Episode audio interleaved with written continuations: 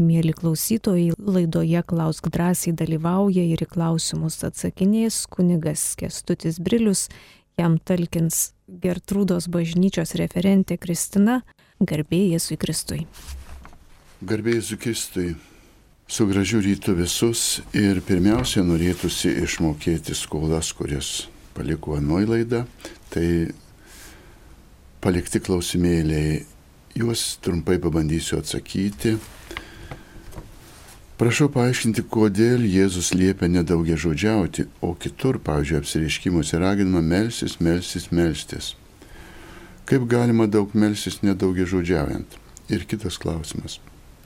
Ar neįžeidžiu Dievo, ne, jei dirbdama, reidama medžiuosi rožinį ir kalbu kitas maldas? Atsakau. Jėzus liepia todėl, kad jis išmano tą maldą ir daug, tai nereiškia, kad skystai, kai mes sakom labai daug žodžių, tai tada gaunasi skysta kalba. Jeigu mes pasakysime žodžius iš esmės, kalbėsim tai, kas iš tikrųjų yra svarbu, tai nebus daug, bet bus pasakyta tai, ką reikia pasakyti. Todėl stenkimės taip, kaip su žmonėmis neįkirėti plepumu, taip ir su Dievu, nepildami žodžius, o pirmiausiai kalbai duodami jos funkciją išreikšti tai, ką norime pasakyti. Kaip galima melstis daug nedaugia žodžiaujant.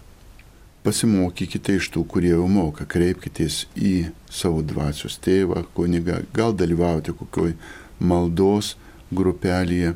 Tai visų pirma visos tos maldos, kurias patvirtina katalikų bažnyčia kaip viešasias, bendrasias maldas, joje jau daugumoje yra išsijoti tie daugia žodžiavimai. Naudokite bendras bažnyčios patvirtintas maldas ir juose to vandens ikisėlių nebus. Kitas klausimas, ar neįžeidžiu Dievo, jei dirbdama, reidama medžiuosi rožinį, kalbu kitas maldas? Ne, maldomis neįžeidžiate.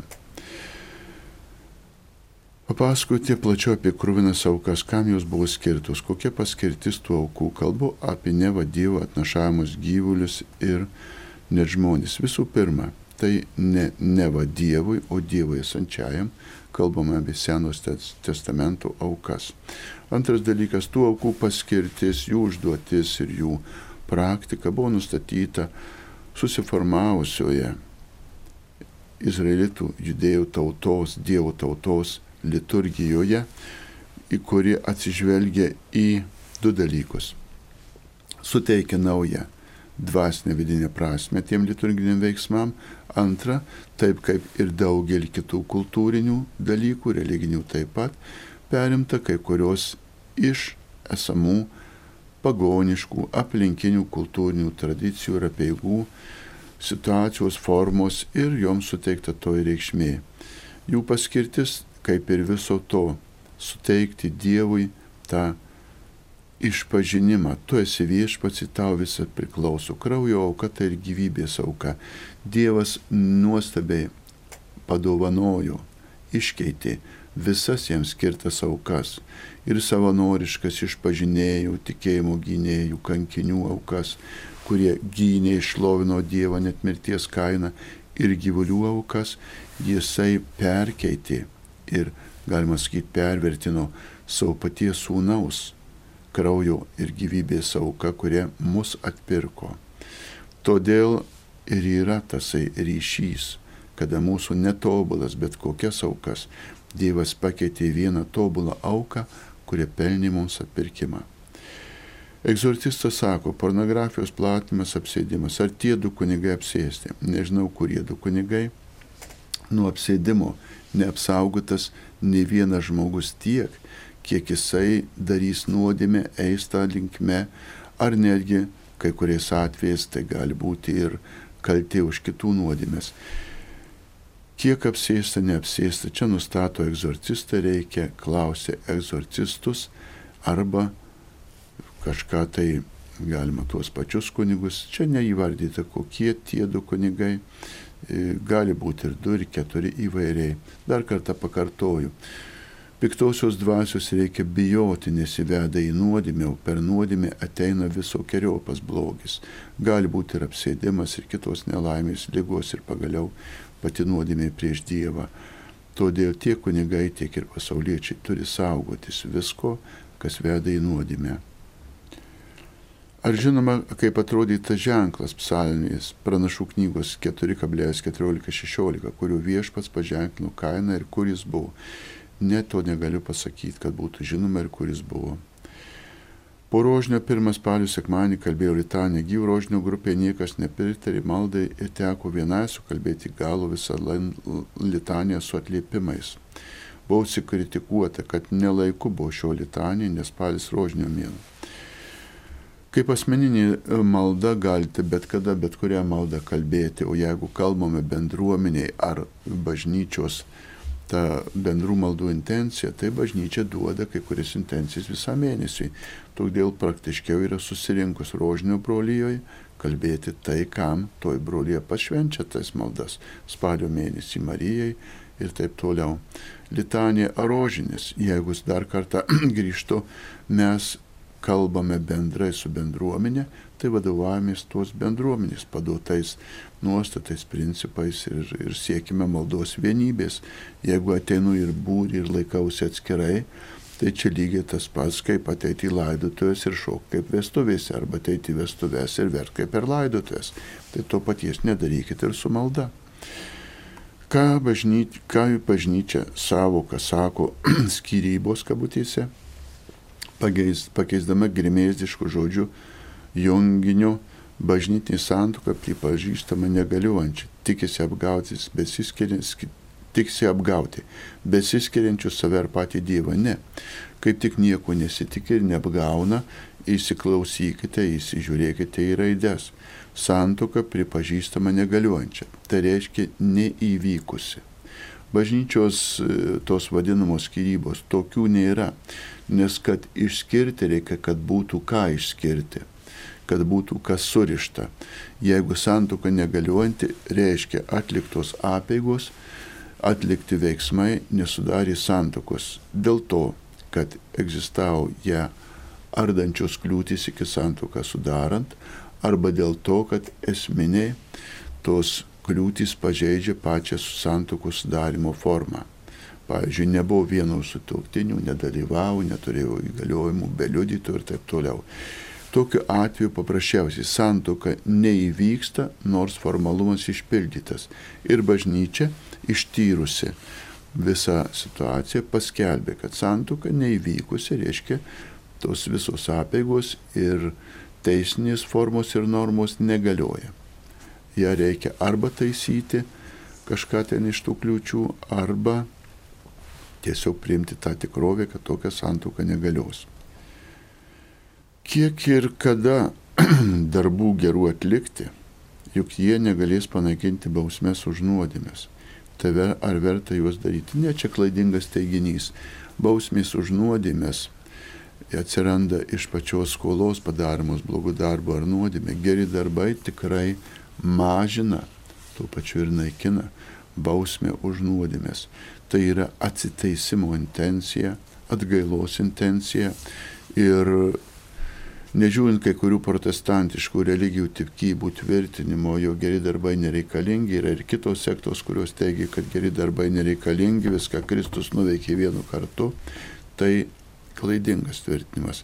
Katalikiškas tikėjimas yra toks, kad geri darbai naikina ir mažina bausmę už nuodėmės na, yra geri darbai, atgaila, malda, pasninkas, išmalda prie jų taip pat, ypač tėvai išvardyti, mažina ar net panaikina bausmę už nuodėmės. Tuo labiau nepainiokime bausmės už nuodėmę su nuodėmio atleidimu. Kaip suprasti šventų rašto žodžius, neduokite keulims perlų. Supraskite kuo paprasčiau. Reiškia, kad tinkamam tai, kas tinkama ir tai, kas reikalinga. Jeigu paimsime gyvulį, jam reikia maisto, bet nereikia papuošalų. Tai šituo atveju, jeigu mes paimsime žmonių situaciją, tinkamam tai, kas tinkama, reikalinga ir ką jis turi teisę. Va pagal tai atrinkite, kam ir ką duoti. Kas bus viršaus jau dovana. Bet jeigu mes iš tikrųjų brangenybės mėtysime tam, kuriam jų nereikia, kuris jas niekina, kuris iš jų tyčiosi, tai mes tuo pačiu paniekiname ir tų brangenybių autorių ir jų davėją, įžeidžiame, sumenkinydami jo, jo dovanos vertę. Čia reikalinga išmintis, o išmintis yra tikrai sunkiai pasiekima darybė. Todėl dažnai, jeigu klystate šioje srityje, klauskit patarimo, kas tikrai jau tai išmano. Pasitarkite čia patu aplinko, nes tai reikia konkrečių situacijų. Šiluoju per atlaidus daug prekystelių su įvairiais dalykais, pamačiau sapnininką, negalima, pasakiau, kad tai visai priešinga, žmonės klaidami teisingai pasakėte ir teisingai padarėte, kad jo nepirkote ir perspėjote, kad po katalikiškais knygynais ar, ar tais keliais nebūtų platinama jokia tikėjimo priešinga literatūra. O žmogaus sąžiniai padedant svarstyklių, kaip pirks ir kaip apsimoka, tai čia jau kitas klausimas, kiek sažiningas pardavėjas. Ar gali krikšto tėvais būti žmonės be santokos sakramento, bet su civilinė santoka? Ne, nebent specialiai kreipiantis į vyskupą ir būtų sprendžiama jo kompetencijų ta situacija. Taip, mums skambutis. Stasys iš Vilniaus paskambino. Taip, Stasy. Noriu paklausti, Jeigu palyginti mūsų kataliką tarybinių laikmečių ir dabar, mano manimu, kad dabar katalikas pablogėjo. Jis daugiau rūkų, daugiau išgeria, kombinuoja, vagia, plėšikauja, nusikalstamumas padidėjo, emigracija, tragiškai didelį vyrų gyvenimo trukmė trumpa, skirybų labai daug, labiausiai nykstanti tauta šalis pasaulyje esame mes vienas iš kandidatų į Seimo narius šitą teigi savo kovos lapeliuose. Taip pat vaikų gimstamumas, vaikų mažėja, gimstamumas mažas, skirybų labai daug, liūdėsių padaugėjų, ateitis neužtikrinta, neaiški ir daugelis ją mato, prognozuoja kaip prasta. Ir kad mes išnyksim visiškai įsiliedami į Sąjungą ir tokios kaip Lietuvos neliks, bus tik istorinis faktas, kad čia gyveno lietuviai. Anglakalbizmas blogai veikia žmonės, nes vos ne visos radijos stotys, vos ne visą laiką tik ir pilavoja anglakalbiškas dainuškas, žemas, primityvės, bukas. Koks klausimas? Kaip Jūs manot, ar katalikas stipriai suprastėjų ar nesuprastėjų, gal aš klystu. Ai, pri, prisiminiau tokį mm, Solženicino gudrų pasakymą. Jis tai, e, tą išmintį jis taikė e, Rusijai, naujajai Rusijai, vėl kapitalistiniai Rusijai. Norėjome vilėmis tikėjomis prisijungti prie vakarų kultūros versmių, prie gaiviausių vakarų kultūros ištakų, o, o prisijungėme prie jų civilizacijos kanalizacijos o tą jo išmintį aš pratęsiu, o Lietuva prisijungi prie tos vakarų civilizacijos kanalizacijos pačiu viduriu, pačio didžiausio tirščio ir panašu, kad prisijungėme ilgam ir tvirtai. Kaip Jūs manote? Dabar iš mano nuomonės tų klausimų čia yra labai plati socialinė tema ir po žodžiu katalikas jūs sutempėte visą, kas įmanoma surasti visuomeniai. Tai yra socialinis, kultūrinis, politinis gyvenimas, papročių normos ir taip toliau. Tai tik linkėčiau šitą klausimą jums pačiam apžvelgiant jį svarstyti tokiu požiūriu, ką iš tikrųjų tiesiogiai savo įtakoje turi tiems procesams reiškiniams, būtent katalikybė, aš nesakau apie vieną kataliką, nes vienas katalikas tiek daug nenuveiks, kaip jūs sakėt. Tai svarstykite tą klausimą pirmiausiai sažiningai ką iš tų socialinių procesų, politinių, kultūrinių visų situacijų savo galioje, atsakomybėje ir veikloje turi katalikybė kaip tokia. Toliau primenu, e, dėl statistikų ir vertinimų, kaip tik šiuo metu bažnyčios puslapį katalikai.lt yra įdėta nebloga informacija, reiškia, popiežiaus tarsi ataskaita, apžvalga apie visą pasaulio katalikybę, ten rasite informacijos. Ir taip pat kreipkitės į bažnyčią, vyskupijas, spausdinami taip pat katalikiškoje žiniasklaidoje puslapiai apie katalikybės statistiką Lietuvoje, tai matysite skaičius. O įspūdžiais dalintis tiesiog, tiesiog čia būtų gal blogas laiko išnaudojimas. Tai linkėčiau priimti tą antrą medalio pusę, nežiūrint visos situacijos, katalikybė kaip tokia visuomenė ir toliau turi pozityves užduotis padėti, pagerinti, pašventinti, sukilninti, atvesti į tiesą, gyvenimą tiesoje ir meilėje. Tų užduočių jis siekia ir vykdo, stenkitės, kada jau apžvelgsite visą situaciją, apsispręsti, tiesiog kiek įmanoma dalyvauti kaip katalikas visuose visuomenės gyvenimo srityse. To bažnyčiai ragina visus tikinčiuosius dalyvauti visuose gyvenimo srityse savai katalikiškai sąžinė, kad katalikiško gyvenimo pavyzdžių, morale, kilinant ir pašventinant visuomenę. Tai čia būtų tiek. Iš turimų klausimų kaip kalbėti su jaunais žmonėmis, kada gyvena kartu, nesusituokia ir sako, vestuvės tai brangu. Su jaunais, su senais ir su visais kalbėti man, mandagiai, pagarbiai, kultūringai, nediktuojant savo nuomonių ar savo nuotaikų ir ieškant bendrų sprendimų. Galima, jeigu esate vyresnis, atsakingas ar artimas žmogus, priminti tą pareigą, jog katalikui gyventi be santokų sakramento yra nemoralu, yra nuodėmė. Dėl to, ką sako, kad vestuvės brangu, tai čia supratau, kad jūs jau kalbate ir jums atsako. Kad vestuvės brangu, tai siūlyčiau kaip argumentą išskirti tuos dalykus. Yra santokos sakramentas ir yra vestuvės. Tai apie santokos sakramentą galima kiekvieną sakramentą katalikų bažnyčioje gauti be jokių kainų ir kainoraščių. Ir kreipkitės tuo klausimu ir tikrai nebus brangu. Tiesiai sakau, už savo bažnytėlę, kurioje dirbu, Gertrūdos bažnyčioje, ne vienam patarnavimui nenustatyta jokių kainų ir niekam nėra brangu. Ir visą, ką, visą, ką galim patarnauti, patarnaujame tai imtinai su vestuvėm ir su viskuo, ką tik galim patarnauti. Tačiau, kai kalbame apie pačią vestuvių puotą, iškilmę šventę, tai sakyčiau, tikrai tokį įspūdį susidarau. Čia aš duosiu žodį Kristinai, kuri būri vaikų saviškių ženijo ir, ir taip pat dirba Gertūdos bažnyčioje, Santukų krikštų kabinete, tos klausimus dažniau aptarinėja.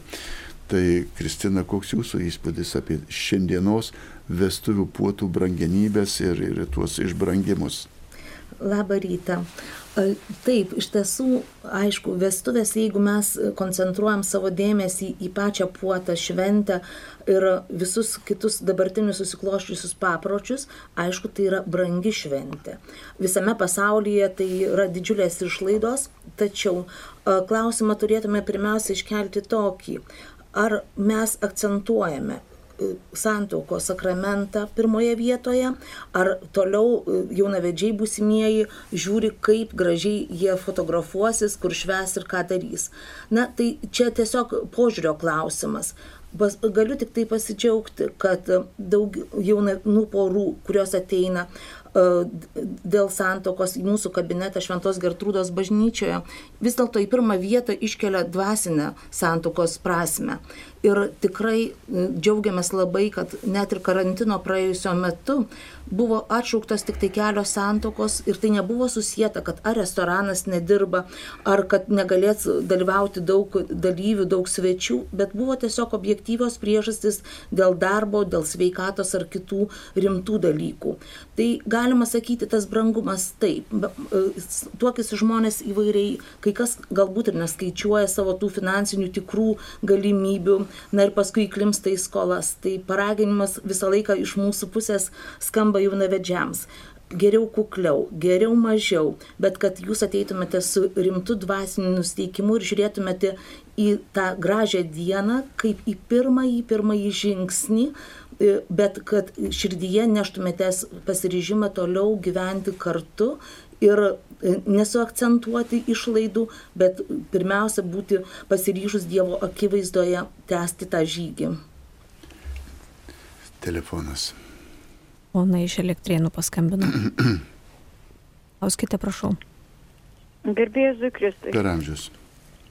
Aš esu Ona, prieš tris savaitės palaidojau mamą ir melžiuosi namuose. Aš iš darbo grįžtu ir bažnyčia apie 5 km, pati nevairuoju, melžiuosi namuose. Ar būtina tą dieną, kai mama nu, numirė, aš ketvirtadienį pusė šešių užsidegu žvakę ir kalbu rožinį. Ta dalį, kuri priklauso pagal, pagal eilę e, spalio mėnesio. Ar galiu paukoti tą, tą dalį už mamos sielą ir ar būtina paaukoti tik tai už mamą ar pa, pasakyti jos vardą. Nebūtina, nei privaloma maldos formas už ką, kaip, kiek aukoti, kiek dalinti. Jūs pasirinkate laisvai, Dievas priims. Per daug dėmesio į aritmetiką ir svarstyklės nesutelkite. Tiesiog jūsų gera valia, noras, kai galite ateisite bendruomenės su žmonėmis bažnyčioje pasimelsti, kai negalite pasimelsti namuose, bet kur, bet kada galite melstis ir netaip svarbu, kaip jūs dalinsite. Svarbu, kad aukojate už savo mamytę. Taip pat noriu priminti ir dėl tų dienų sutapo, nesutapo, meties diena, valanda, amžinybėje laikrodžių jau nėra, laikrodžiai mūsų patogumui. Todėl ir vadovauktis, kada, po kokio laiko, ties kuriuo laiko melstis, taip, kaip iš tikrųjų yra patogiau. Žinoma, laikus datas prisiminimui galima vartoti tą datą, tą dieną. Ir tai nėra blogas dalykas, tačiau tai nereikalauja ištikimai to laikytis. Dėkuoju. Kitas klausimas. Kokia žodžių nuteisinti ir išteisinti reikšmė Biblijoje? Ačiū Teresi Vilnius nuteisinti ir išteisinti. E, atskirai nesimsiu šiandien nagrinėti būtent tos, čia kalbėsim ne apie reikšmę Biblijoje, reikšmė ta pati. Tai yra e, išteisinti mūsų dabar dažniau vartojama forma. Toliau nuteisinti ir išteisinti reiškia išteisinti. Nuteisinti reikšmė daugiau turi tą nustumimo, nustumti kaltę, atitolinti taip toliau. Šventame rašte yra keletų vietų panaudota, tas reiškia nusviedžia nuodėmės, numeta mūsų kaltinimo raštą. Tai čia tik tai kalbinės formos ir reikėtų kalbėti jau su švento rašto specialistais dėl būtent lietų kalbos tų išraiškos subtilybių. Esmė tai yra tas pat. Tai pašalinti žmogaus kaltę, jį padaryti nekaltu. Toks būtų atsakymas. Toliau žiūrėsime. Viskupų laiškė apie okultizmo plitimą rašoma, su dvasiniais mokslais susijęti kovos menų patarimai iš esmės nesiderins su katalikų tikėjimu. Kaip parekomenduotumėt karate, kuris susijusi rytų religijos, pakomentuotumėte, su rytų religijomis yra katalikiškose mokyklose. Tiesiai sakant, kiek tai yra su tuo sportu ar kovos ar lavybos menu siejama religija, tai katalikiškose mokyklose besąlygiškai tai turėtų būti katalikybė. Kiek tai siejama su tomis pagoniškomis religijomis ir savokomis, tai reikėtų tą klausimą kelti pačioje mokykloje. Katalikiška mokykla be abejo turi kapelioną ir ten spręsti konkrečiai. Jeigu treniruosi šiuos rytų menus ir visą kitą, kas dabar madoje, tai dar nereiškia, kad perima jų tą sintoistinį ar, ar panašų kažkokį tikėjimą o tik priima kaip sportą, bet tai reikėtų spręsti konkrečioje mokykloje, konkrečioje situacijoje. Paskambino klausytoja Bronė. Klauskite, prašau. Mėla klausytoja, jūs eteryje klauskite, prašau. Kol klausytoja galvoja, prašau pasakykite savo nuomonę apie George Weigel knygą Evangelinė katalikybė. Neturiu savo nuomonės knygų vertimą ir aptarinėti atskiras knygas. Būtent šiandien matau pagal klausimą eilę neužteks laiko todėl nei savo, nei kažkokius ten bendros nuomonės apie tą knygą neaptarinėsiu. Kitas klausimas. Jei kunigas po mišių kalba rožnį sėdėdamas, tai ir kiti besimeldžiantys turi atsisėsti. Ačiū. Rožinį kalbėti neprivaloma klūpėjimas ir kaip kunigas kalba ir kaip parapija, sprendžiate toje vietoje, paklauskite to kunigo. Tenai, kur nurodyta žmonėm klauptis ar atsistoti, paprastai kuningas pasako, atsistojame, atsiklaupime ten, kur yra neaišku, ten, kur yra įprastinės maldos formos, laikomės įprasto dalyko. Rožinį kalbėti galima ir stovint, ir sėdint, ir klūpant, ir einant. Ir nėra nustatyta, kad būtinai reikėtų taip ar kitaip. Jeigu kunigas kalba atsiklaupęs, dera sekti gerų pavyzdžių, jis duoda gerą pavyzdį. Ar galima melsis sekvenciją šventą dvasį ne tik per, prieš sėkminės ir kitų laikų? Galima. Galima sekvenciją melsis kitų laikų, tačiau viešoji liturgijoje bažnyčioje ar mišiuose ją reikia ir dera, kunigas žino melsis kalbėti tada, kai yra nurodyta mišiolė. Koks jūsų požiūris į verkiančių Madonų statulas? Asminis požiūris manęs net paties nelabai domina, tiesiog tai yra dalis liturginės ir kultūrinės raiškos, kurie bandome išreikšti vieną ar kitą mintį. Kiek tos statulos atitinka, kiek pasirinkime paveikslą atitinka tą liturginę ir teologinę esmę, čia reikėtų spręsti jau bažnyčios ir bažnytinio meno komitetas yra, kuris apsprendžia tuos klausimus bažnyčioje ir kitais dalykais. Nemanau, kad tos verkiančios Marijos statulos kažką tai pažeistų ar kliudytų. Bet dar kartą sakau, oficialų atsakymą turėtų duoti bažnyčios liturginio meno komisija. Kaip pastebite praktikoje, ryškos prieštaravimo paneigimo nesigirdi. Todėl galite kol kas pamaldžiai tai žiūrėti ir, ir labai nuoširdžiai melstis. Vardas Jonas, miestas Klaipėda žinutė. Žmonės mirtimi baudžiami už gimtąją nuodėmę. Už ką baudžiami gyvūnai. Visam pasauliu galioja tas, ta pati išraiška. Per nuodėmę į pasaulį atėjo mirtis. Ir jeigu vienas padarė nuodėmę, mirtis palėtė visus, tai per tą nuodėmę ir ateina mirtis. Už ką baudžiami gyvūnai? Ar tai yra bausmė? Bausmė yra tada, kai yra teismas, kaltė, asmuo atsakomybė. Šiuo atveju gyvūnai nėra baudžiami. Jeigu gyvūnas skriaudžiamas, kankinamas, tai gali būti tam tikra dresiravimo forma, auklėjimo ir taip toliau.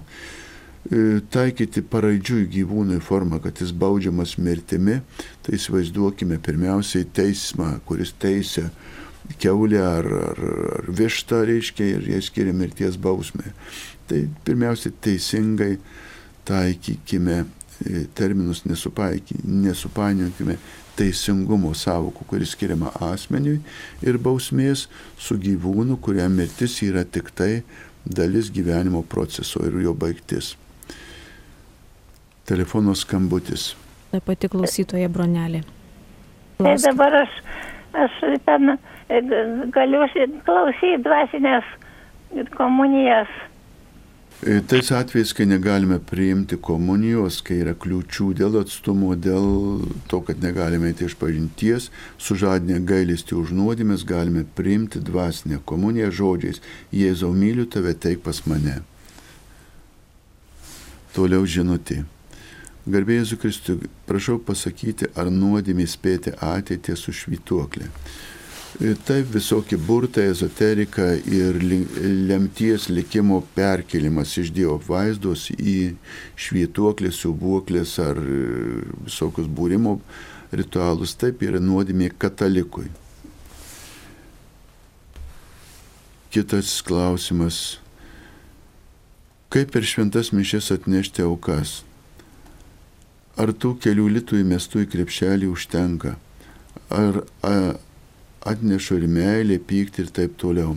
Dievui galime aukoti visą, kas gera, o materialios aukos daiktais, kaip prašoma, labdaros ar pinigais, prisidedama prie bažnyčios kaip bendruomenės išlaikymo, veiklos ir misijų. Kaip tik ateinti sekmadienį, tos piniginės aukos bus skiriamos misijoms, tai yra Evangelijos skelbimui.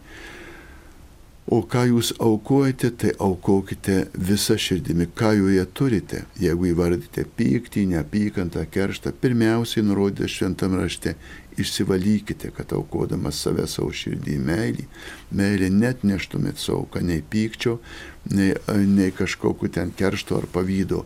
Šventam rašte nurodyta, prieš aukojant susitaikyti su artimu, apsivalyti nuo nuodėmės. Sekantis klausimas panevežys Jurgita. Pakomentuoti santokos sakramento įžadų atnaujim reikšmę santokos jubilėjos proga. Noriu pirmiausiai patiksyti terminus. Nevartojame pažodžiui įžadų atnaujinimo.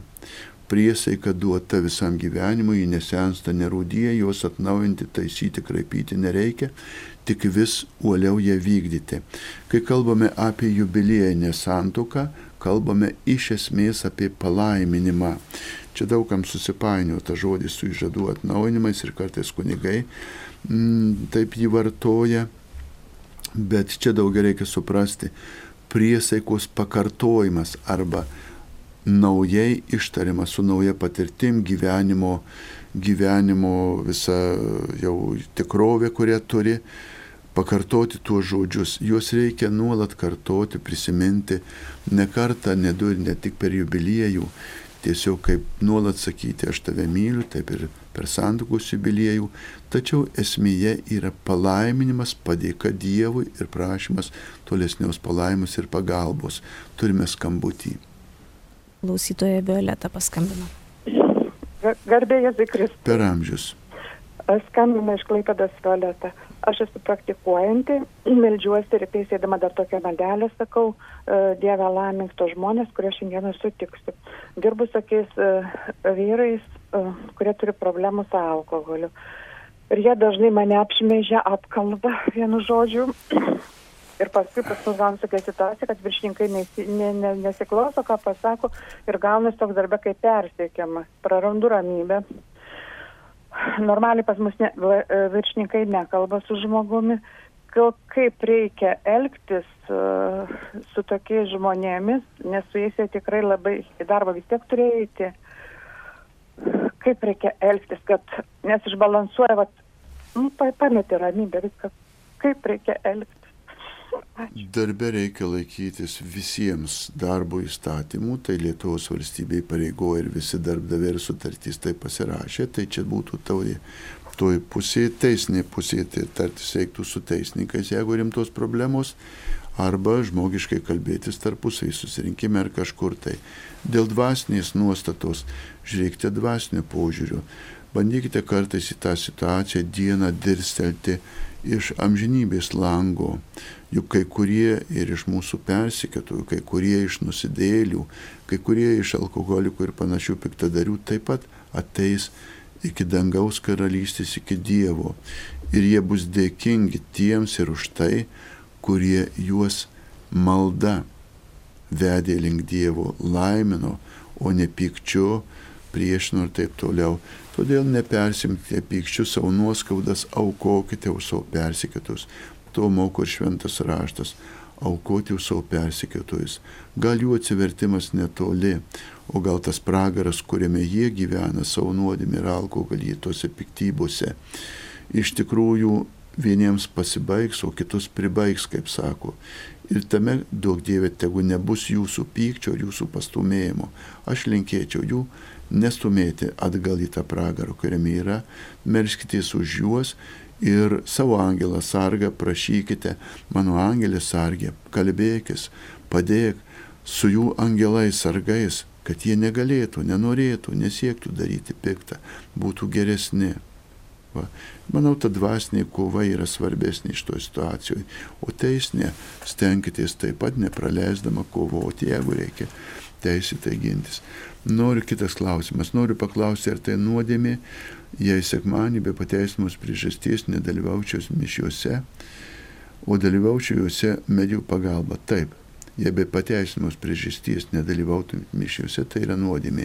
Paskutinis viskupų raštas šiuo klausimu dėl visų tų medijų nurodo, kad medijos neatstoja dalyvavimo bendruomenėse mišiuose. Todėl vadovavomės toms taisyklėmis, kada galime, kada įmanoma, pagal tą e, dabartinę tvarką stengiamės dalyvauti. Čia jūs paminėjote be pateisimos priežasties. Tai be pateisimos priežasties kartu nedalyvauti mišiuose yra nuodėmė. Kitas klausimas. Prašau paaiškinti, kaip suprasti. Išplovi savo apsiaustus avenėlio kraujyje. Tai reiškia, kad savo šventumą, savo žmogišką tobulumą, gerumus ir negerumus, tai, kuo jie kaip žmonės apsivilko, iš tikrųjų panardino Dievo meilėje ir malonėje ir pašventino save Dievu. Tai reiškia, kad ne vien savo rūbo, savo nuopelno, savo gerų darbų šventumu šviečiame, bet yra pasakyta, kad mes šviečiame Dievo šviesą. Būtent tai yra turima šiuo atveju kančios ir atpirkimo auko šviesa, kada mes panardiname savį Dievą taip, kad anot apaštalo Pauliaus jau nebe aš, bet Kristus manyje gyvena, šviečia, veikia. Klausimas, ar gali eiti liudininkais be bažnytinės santukos? Jeigu teisme, tai gali, jeigu santukos sakramente, taip gali. Liudijimas santukoje yra teisinis veiksmas. Be santukos sakramento net ir nekrikštyti, net ir nekatalikai santukos liudytojas gali būti, turi turėti teisinį veiksnumą. Tai yra pilnamečiai, savarankiški, atsakingi, laisvi, suvokiantys, jog vykdo teisinę funkciją. Tai yra santukos liudytojas gali būti bet kuris teisiškai veiksnus žmogus, kuris supranta to liudimo teisinę esmę. Ką daryti, jei žmogus yra prakeiktas? Jei žmogus yra prakeiktas, žiūrint, kas yra prakeikė, tai tiesiog pasitikėti Dievu, toliau tęsti savo ko, kovą ir šiame žodėje prakeiksmas yra Dievo ištartis apie tai, kaip jis gina savuosius nuo pikto dvasios ir galios. Aš laiminsiu tuos, kurie jūs laimina ir prakeiksiu tuos, kurie jūs keikia. Palikime Dievui šitą bylą, o mes pasitikėkime juo. Jeigu Dievas mūsų netmeta, ne, nepadarome nuodėmės, kuri mus skiria nuo Dievo, jokie prakeikimai, linkėjimai ar keikimai, kas mus bekeiktų, mūsų neįveiks, nes Kristus mus stiprina. Aš visą nugaliu su tuo, kuris mane stiprina. Čia kalbam apie Kristų. O sprendimus pačiame jau tam keikimo ar laimino lygmenį galutinai patikėkite Dievui ir pasitikėkite jo palaimą. Gyvenkite taip, kad pakliūtume į bent vieną iš jo palaiminimų, o daug Dievė ir į visus. Ir būsite palaiminta, nors jūs kiti ir keiktų. Kol kas gerai, žinot, pabėgėjome ir džiaugiuosi, kad čia pasisekė atsakyti klausimus, dar pasitikrino kiek visus ar beveik visus. Atsakiau, nematau dabar tokių, kurie, kurie būtų dar neatsakyti. Va, vieną radau dar praleidęs. Bijoti reikia nei, neištikimybės Dievui, o kaip būti ištikimam ir kaip suprasti Dievo valią. Būti ištikimam tai reiškia stengtis tokiu būti, Tai reiškia niekškoti išlygų ir apgaulių su sąžinė, kaip susiderinti ir tą padaryti ir šito paragauti, to, kas uždrausta apie uždraustą vaisių. Kaip suprasti Dievo valią? Ji yra išreikšta dešimtį Dievo įsakymų, penkiuose bažnyčios įsakymuose. Apie ją mums kalba sąžinės balsas, taigi klausykite savo sąžinės ir taip pat vadovaukitės evangeliniais patarimais, kai siekite šventumo. Bet to Dievo valiai suprasti ypatingose situacijose, ypatingose išbandymuose. Dievas kartais duoda ir ypatingų ženklų. Popiežius Jonas Paulius II sako, atpažinkite Dievo veikimo ženklų savo laikę. Telefono skambutis. Klausytoja Emilė iš Kauno. Garbė Jėzui Kristui. Per amžius. Labai kankina klausimus esu katalikė krikščionė ir, ir, ir, ir visada, e, visada Dievas laimindavo ir padėdavo visose situacijose. Du dabar tokioj nebilti, sakykit, ar pasitraukimas savo norų iš, iš gyvenimo yra jau pragaras, ar, ar, ar, ar Dievas e, priglaus, jeigu likę kas nors dar ir melsis ir mišes ir, ir kažką ir kažkaip. Atsakyti, kaip Dievas paskirs, mes nežinome ir negalime. Jeigu jau yra pragaras, tai galite nesimelsti, ten malda nepasiekia ir jos ten nereikia. Jeigu nėra pragaro, tai tada malda pasiekia. Savižudybė yra sunki nuodėmė ir jeigu žmogus sąmoningai ją daro, žinomas, kad nusideda ir vis tiek tai daro, tai su sunkia nuodėmė miręs eina į pragarą ar suspės per tą sekundę, žiūrint, kaip kas tie žudosi, kokios e, mechanika to žudimus, ar suspės dar atšaukti, pasigailėti, riktelti, Jėzau, pasigailėk manęs, jau mes šito negalim pasakyti. Dėl maldos atsakymas. Melsis galite už visus, mes nežinome be paskutinio teismo, kurie yra pragare. Todėl melskite, melsis galite už visus. Žinutė atėjus. Kada atsiras bažnyčiose pašventinto vandens prieimo į bažnyčią. Tada, kai bus leista jį naudoti, kol kas naudoti yra uždrausta.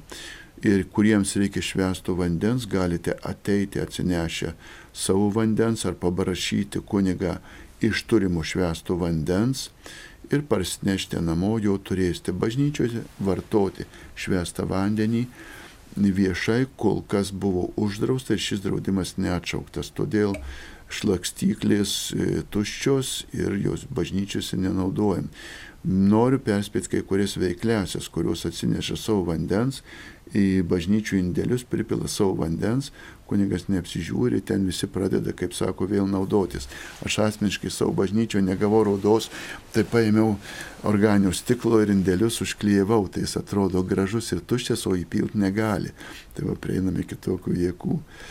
Čia su Dievu galim nepainiokime, ar bijom Dievo, ar nedėjom Dievo, viskupų nurodymo laikomės ir ne vien švestas vanduo mus gelbsti, o iš tikrųjų gelbsti atgaila, susitaikymas su Dievu išpažinti ir geri darbai, šventa komunija bei mišios bendruomenės bažnyčioje.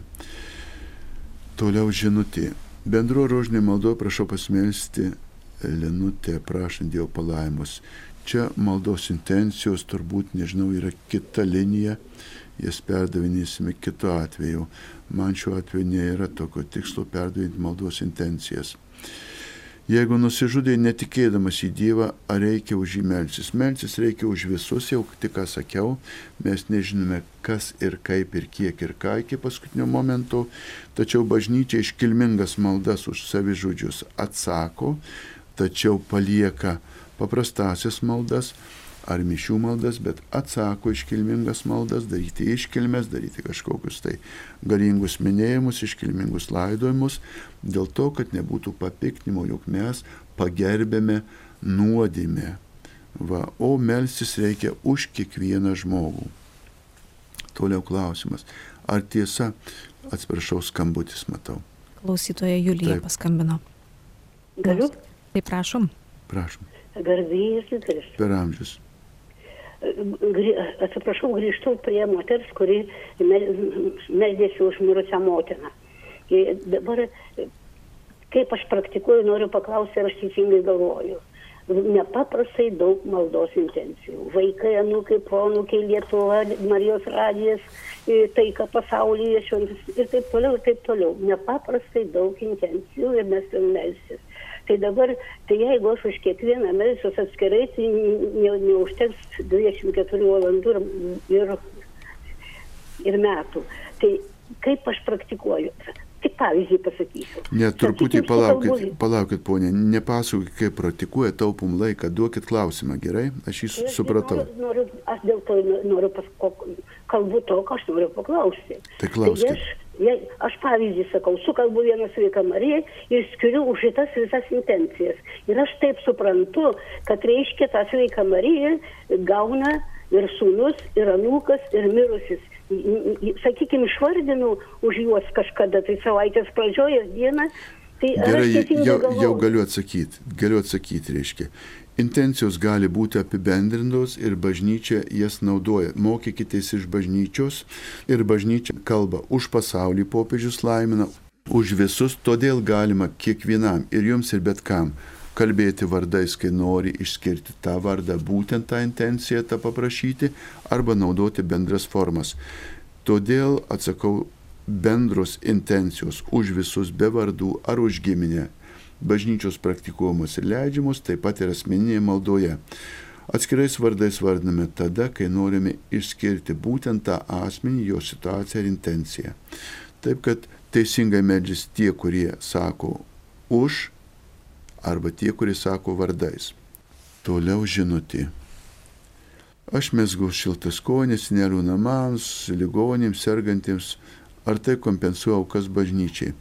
Pone, aukų, gerų darbų, kaip ir maldų, niekada nebus gana. Tai ką galite, tą darote. Jeigu galite koinėm, galite pirštinėm, galite kankorėžės ten kažką gerą daryti, darykite. Bet nepasakysiu nei aš, nei kas nors, kad jau gana. Lygiai taip pat tiek atsiteisint, tiek darant gerą, gana nebūna. Kiek galite, tiek gerą darykite. Vargas jums statote čia šventų rašto citata, tada, taigi jūs liudite prateris savo tėvų darbams, Luko 11.47. Kaip suprasti eilutes, kas yra tie paminklai, gal antkapiai. E, čia kalbama paraidžiui, paraidinė prasme, tai kas statoma paminklų prasme, tai yra mirusio paminėjimo ženklas. Tai yra paminklas. Gali jo formos būti įvairios, obeliskas, kryžius, santkapis, pastatytas, sakysim, rūmai ar pilis, ar mūras, ar ažulas, ar medis. Paminklas nuo žodžio tai, kas primena, priminti, priminti daiktų, žmogų ar įvykį tai tokie paminklai gali įvairūs būti. Toliau klausimas. Ar negalėtum bijoti, kad mūsų Dievas po tam tikrų laikų gali tapti mitologiniu, kaip kai kurie čia toliau, toliau, gavino nesuprantu sakiniu, po mirties persikeliant keliavo į dangų, kurie kaip ir kiti skaistai skaistai gimta, nežinau žodžio, nesuprantu klausimo. Trumpai sakant, pavojus prarasti tikėjimą, jį iškreipti ar jį supagoninti yra nuolatos. Čia išvardina visą eilę toliau kažkokių dievų vardų. Atsakau taip, laikykite savo tikėjimo ir melskite Dievą šventos dvasios, kad per gyvenimą ir išbandymus jūsų tikėjimas stiprėtų ir grinėtų, tai jo neprarasite. Skambutis mums. Aldona iš Kauno. Klauskite, prašau. Garbė Kristui. Per amžius. Noriu paklausti, kaip ruošiami seminarijoje jauni kunigai, kur jų klausytis kalbos pamokslo metu darosi labai sudėtinga. Ta prasme, kad daugiau matai, kad atėjo žmogus į šitą vietą, nu kaip į sceną, sakykime, kad jis save pristato tiek pašalinės kalbos, tiek bereikalingų žodžių, o kartais tiesiog prasideda ir, ir, ir kiekvienos mišės agitacinė tokia medžiagėlė papilama yra. Čia yra jaunas žavus kunikas, bet jau mišių kažkaip tai nelabai išeina klausyti. Tai toks ir klausimas, ar yra reikalavimai kiek griežtesni tokio galbūt kalbos kultūros, kalbos oratorinio reikalavimo bent jau jeigu ne kiekvienas turi tą dovaną kalbos labai gerą, bet turbūt turėtų, kad bent jau nebūtų tų pašalinių tiesiog iš reklamos tokių tekstų, kad čia vat jūs melsitės, kad čia jums taip gerai, taip noris pagauti tą esminę mintį iš šventojo rašto, kad išplėstų. Supra, supratau, ponė. Labai ačiū už klausimą. Na, pirmas linkimas būtų, kad tie kunigai, kurie taip daro, kaip jūs sakėt, girdėtų šitą laidą ir jūsų klausimą ir jau savo širdyje į jį atsakytų. Tai aš norėčiau, kad, kad jie patys girdėtų, nes dabar iš bažnyčios pusės taip viskupai moko ir reikalauja, kas turi būti kalbama, kaip turi būti kalbama. Netgi popiežiaus vardu yra perspėta bažnyčia dėl narcisizmo plitimo, tada, kai norime rodyti save. Geriausia būtų, kad kiekvienas iš mūsų dvasiškių priimtų tą apaštalo Pauliaus kvietimą rodyti ne save, o Kristų. Apaštas Paulius labai gražiai yra pasakęs, jau nebe aš kalbu, gyvenu ir taip toliau, o Kristus, kuris veikia manyje. Dabar tos, tos e, lingvistinės ir homiletinės formos, kurias siekia kunigai panaudoti, toji pamokslų sakymo metodika ir forma, taip pat yra vertingas atradimas, kunigų ieškojimas, tačiau irgi besąlygiškai turi neprieštarauti su ta užduotimi rodyti ne save, o Kristų. Jums norėčiau pabaigdamas pasakyti, pasirinkite, naudokitės tą Dievo dovaną, kad Lietuvoje galite dar pasirinkti bažnyčių, rinkitės garsius pamokslininkus, kur, kur jums tinka tie pamokslai, prašykit kunigus, kad kvieštų į rekolekcijas, tam yra skirtos rekolekcijos parapijose, kad apsilankytų kiti pamokslai, pasinaudokite visą bažnyčios įvairovę. Kaip dabar pandemijos klausimas? Pandemijos metu viskupų nutarimas šventą komuniją į rankas ir į burną. Galioja pasirinktinai Vieni gali imti, kurie nori į rankas, kiti į burną. Dabar griežto nurodymo nėra. Galima ir taip, ir taip. Todėl atsakau, dabar palikta jums pasirinkti į rankas ar į burną, griežto nurodymo nėra. Tačiau noriu griežtai priminti, kad tie, kurie imate į rankas, nesineškite, nei į kišenę nekiškite. Čia pat prieėmė į rankas komuniją, žingsnį į šalį, nusimate tą E, kaukė vadinama ir komuniją suvalgote. Nesineškite niekur, nei į suolus, nei į kampą, nei į kišenę, netgi susidūriau su tokiu fokusu, e, reiškia, pastvėrė užtverno moterytė, jau bėga su komunija, sakau, čia suvalgyti, aš mamytė parnešiu nei mamytei, nei namus, nei dar kur nors negalima su komunija paėmus į rankas keliauti. Jeigu imi į rankas, griežtas reikalavimas. Žingsnį į šalį, kaip nurodyta viskupų liturginėse nurodose ir čia pat jie suvalgai. Tai va, atsakau dabar konkrečiai, galima ir taip, ir taip, bet priimdami į rankas suvalgote, jie čia pat nesinešate. Toliau klausimai. Prašau paaiškinti iš laiško romiečiams pagonių nusikaltimas Dievui. Biblistinių temų studijų aš matau dėl laiko dabar išpildyti negalėsiu, todėl šitą klausimą užduokite kažkur tai savo parapijoje švento rašto būreliui, kreipkitės į alfa kursą, ar kur yra rengiami, reiškia, biblistikos kažkokie tai kursą aiškime. Čia man neužteks nei laiko, nei žinių, nei, nei viso pasirengimo aiškyti etimologiją, reiškia kalbos žodžių išraiškas. Toliau klausimas kitas. Už ką einame į pragarą, jei Dievas gailestingas? Einame į pragarą savo valia, nes Dievo gailestingumą paniekiname, atmetime, jo nesiekime ir darome sunkia nuodėmė. Į pragarą einame savo valia pasirinkę blogį, o ne Dievą, pyktį, o ne gailestingumą, užsispyrimą, o ne nuolankumą. Todėl ir eina į pragarą tie, kurie pasirenka tą pragarą vietoj Dievo savo gyvenimu. Ar galima užprašyti mišes už giminaitį, ar reikia pasakyti artimiesiems? Galima melstis už visus, giminės, negiminės, pranešinėti nesvarbu, ypač jeigu tai būtų pasigyrimo forma, kad va aš už tą jūsų nevidiną meldžiuosi, o jūs net nesimeldžiat. Nedarykim niekur tų pasigyrimų, bet sakau, galima taip melstis už visus. Per vandenį ateiname, per vandenį ir išeiname. Na, čia turbūt apie žuvis kalba, nežinau. Nežinau, ką su tikėjimu bendro turime. Čia kažkokia simbolika, neatsakinėsiu, nematau klausimo. Ar mūsų Dievui reikalingi brangus ritualai bažnyčios, už kurias mokame, ar tik mūsų siela ir siela be kūno gali pragare kentėti. Ar reikalingi ar nereikalingi, tiesiai sakant, sprendžiate jūs. Jeigu jūs taip mielai žiūrite, kuo iškilmingesnis mišios už Jonuką ar Petrutę, tai natūralu, kad jums reikalingi. Šiaip Dievui nereikalingi, tai yra daroma dėl žmonių, duodama ženklas, kad reikšmingesnė proga, iškelmingesnis jo šventimas ir liudijimas, svarbesnis dalykas kaip sako, didesnis deimantas, brangesnis apsaudas.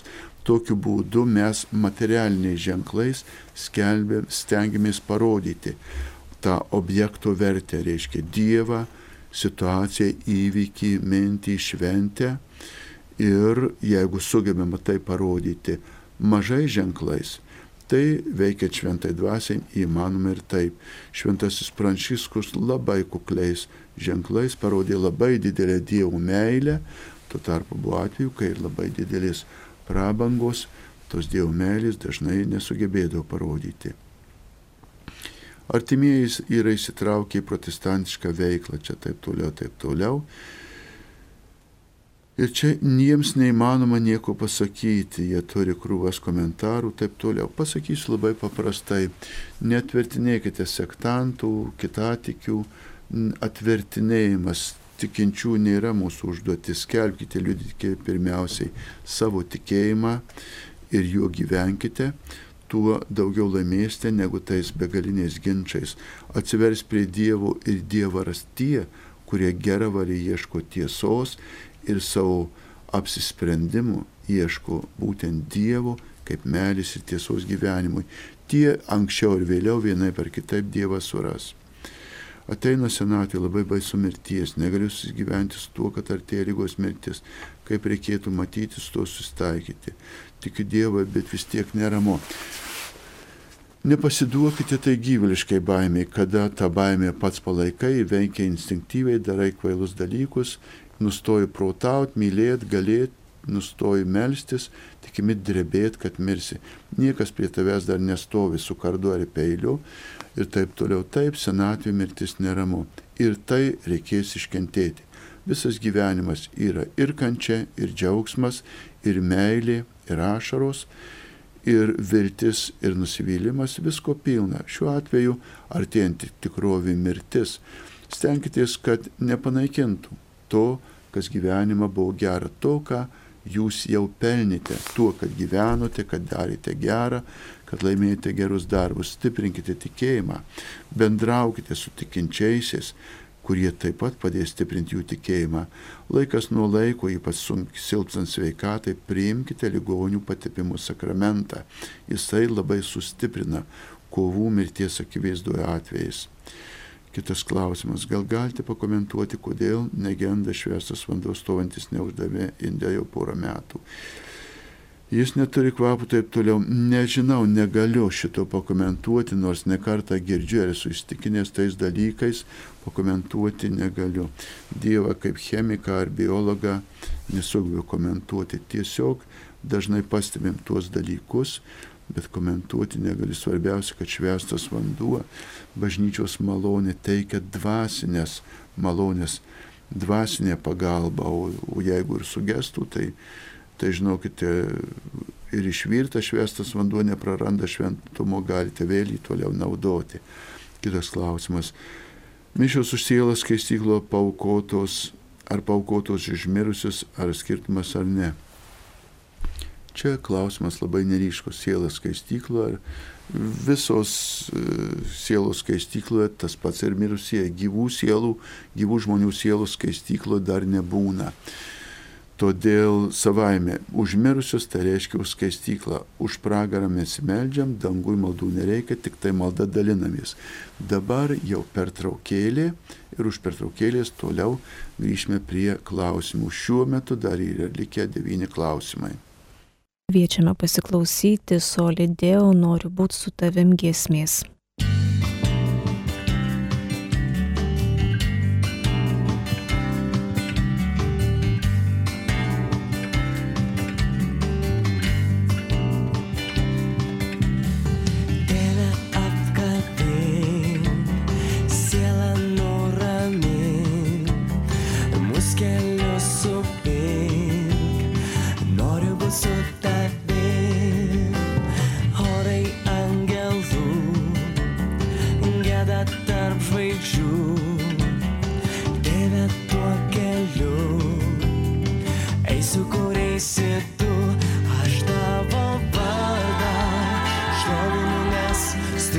pats esi ir atvira širdim, mylinės viską tu gali.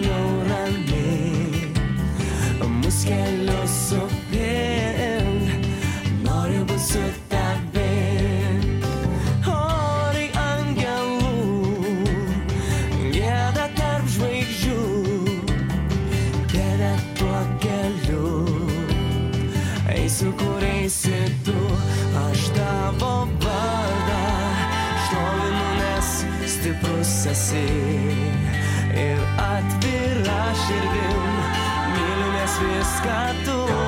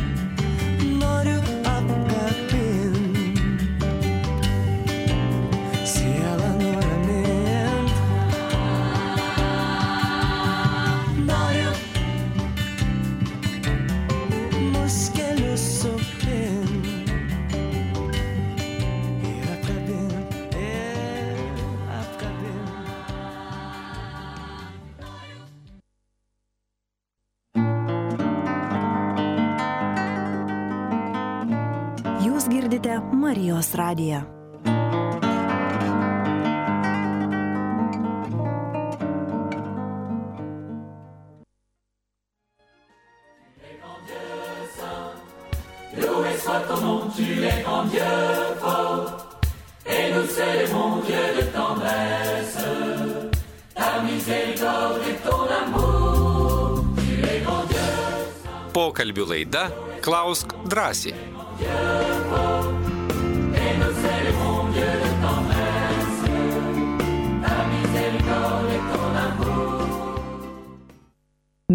klausytojai, tęsime laidą Klausk drąsiai. Laidoje dalyvauja Marijonų vienuolis kuningas Kazimieras Brilius ir Kauno Šventojios Gertrūdos bažnyčios referentė Kristina. Garbėsiu Kristui dar kartą iš karto prie klausimo. Noriu paklausti, kai kur kunigai per mišęs meldžiasi minint tik jų metinės laidotų ar apalių skaičius. Apvalius skaičius, o kai kur vardina, pavyzdžiui, mirė prieš 3 mėnesius, 3 metus, 2 valandas, ar nėra bendros tvarkos. E, Bendra tvarka yra pagrindė ta, kad skelbiama yra ta informacija, kuri yra būtina, norint suvokti tą mišių, sakysim, liturginę paskirtį. Yra mišios paprastos arba eilinės, yra mišios iškilmingos, titulinės. Tai ten, kuria e, titulas mišioms, tai turi būti paskelbta. Titulinės arba tos iškilmingos mišios, tai yra sekmadienio mišios, yra kokiu nors atlaidų, ten Velykų, ir kažkokiu paskelbtų iškilmių mišios.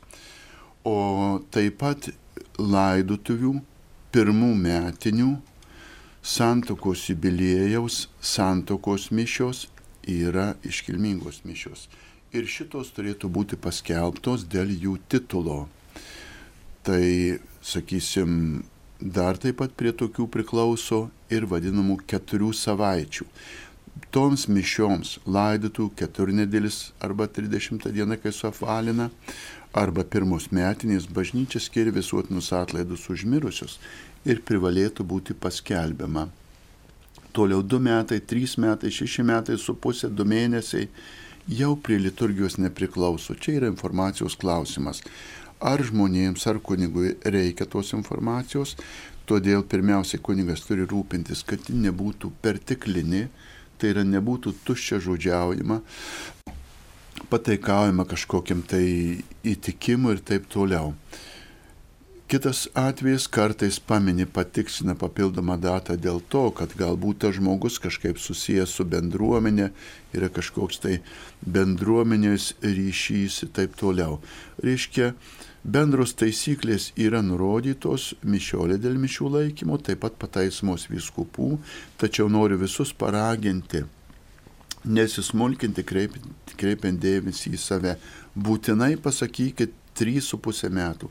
Būtinai pasakykit 7 mėnesiai arba 7 metai. Ne, tai kaip eilinės mišios, jokio būtinumo. Galima, jeigu to reikia. Jeigu sakysim Petras, Petras, Petras, tada kažkaip išskiri Petras 2 metai, Petras pirmos metinės Petras. Va, tokiais atvejais reikia paminėti, o jeigu tik Petras ir 8 metai, nereikia paminėti tų metų. Šventos Brigitos yra toks regėjimas apie tai, taip toliau, taip toliau, trys kartos jų vaikai, vaikaičiai. E, Nežinau, aš Brigitos regėjimų šiandien neturėsiu, e, reiškia, galimybės nagrinėti ir ten visą tai susijusiu klausimų, čia ilgokas tas klausimas, nepriimsiu šį karčių klausimų, nes man e, čia gaila laiko išnagrinėti regėjimus ir kiek jie ten kažkam patinka. Žodžiai apšviesti šventos dvasios. Daug dievė, kad žodžiai ir darbai būtų pirmiausiai įkvėpti šventos dvasios, apšviesti ir palaiminti ir atbaigti šventoje dvasioje. Ne tik šventai pradėtume, bet ir šventai baigtume. Čia MMS žinutė peržiūrėti, ne MMS neperskaitysime, aš neturiu kaip čia nagrinėti išeiti operatoriai neperdavė. MMS nematome. Siūskite trumpesnės.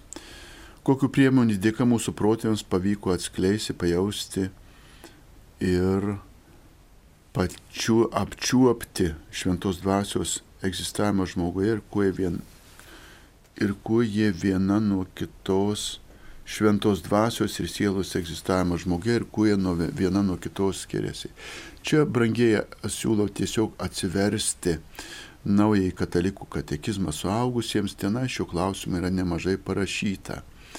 Ir taip pat paskaityti interneto puslapyje katalikai.lt skyrelį enciklikos, enciklika apie šventąją dvasę. Kaip elgtis, kai Jehovos liudytojai perša savo tikėjimą ir aplamai, kas tai per tikėjimas. Na, kas tai per tikėjimas, aš čia neskelbsiu, nenagrinėsiu, nematau reikalo, o kaip elgtis, elgtis pagarbiai, konkrečiai ir nesitaikstant. Tai yra nesivelti į diskusijas, nepriimti primetamos nuomonės, nepasiduoti man- manipulacijoms ir paprašyti netrukdyti. Geriausia bus, kad mes tušiais dalykais nesitrukdytume. Sveiki, kodėl sakoma, kad nuodėmės išrišomos? Ačiū už atsakymą. Čia yra e, kalbos dalykas. Aš visur vartoju tą e, įsireiškimą atleidžiamos. Nes šventame rašte yra pasakyta ir neblogai išversta, kas gali atleisti, ten kelia klausimą Kristui. Todėl išrišamos, atleidžiamos, nuplaunamos, panaikinamos yra kalbinė išraiška ir skirtumo nėra. Esmė ta, kad tos nuodėmės iš tikrųjų būtų dievų atleidžiamos, o mes už jas atsteistume dar iki numirsim. Tai nereikės vart skaistykloje. Kodėl šiandieną per Marijos radiją nesistengima viso klausimo išgirsti perskaityti, nesistengima atsakyti pilnai, o tik paviršutiniškai. Tai nedaro garbės katalikų bažnyčia ir Marijos radijui, protestantai atsako nuosekliai ir pagarbiai į kiekvieną užduotį klausimą pagarbiai Janina.